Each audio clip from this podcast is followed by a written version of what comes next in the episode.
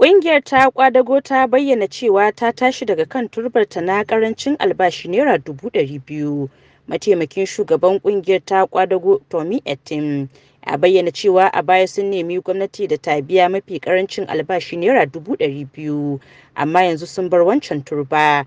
A cewar sa yadda yanzu rayuwa ta yi tsada a ƙasar, kamata ya biya albashin da ya ɗara haka. Etim ya bayyana haka ne a ranar Talata. Bayan mataimakin shugaban Najeriya Kashim Shatima ya kaddamar da kwamitin sake duba fasalin albashin ma'aikata a ƙasar. Tommy Etim ya ce darajar Naira ta faɗi kuma hakan ya sa farashin komai ya tashi a ƙasar. Don haka ba za mu lamunci dubu ɗari biyu a matsayin mafi ƙarancin albashi ba.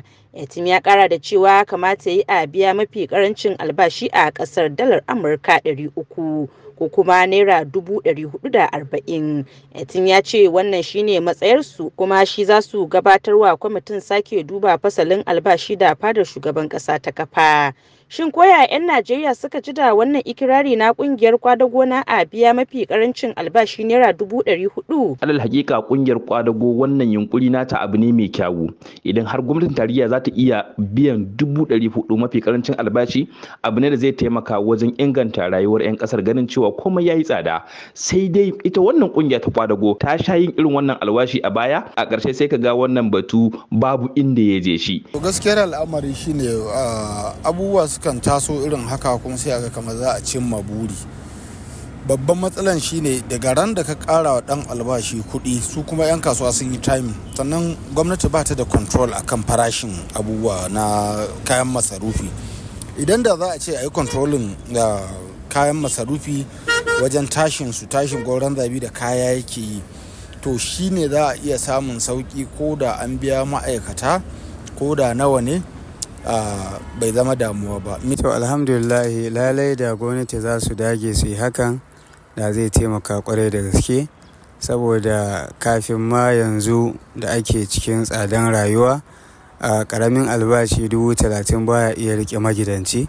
Balle kuma yanzu da ake cikin tsadan rayuwa kusan dukkan kayan masarufi su nunnunka so uku so huɗu da abin da ya kama da wannan.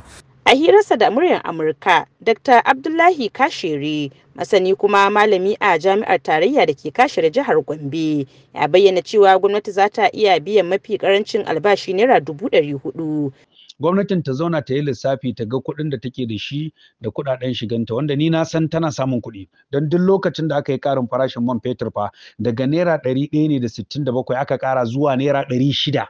Ƙari ya kai wajen ɗari biyu kusan ɗari uku akan abin da dama yake. Saboda haka dole gwamnati za ta iya biyan wannan albashi. Ba wani maganan ba za ta iya biya ba ta ƙara ta biya.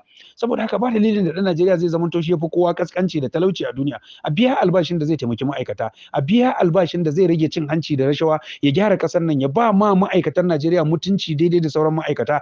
Yanzu dai hankulan 'yan ƙasar ya karkata ne ga kwamitin da fadar shugaban ƙasar ta kafa na sake duba fasalin albashi a faɗin ƙasar rukayya basha muryan amurka daga abuja a Najeriya.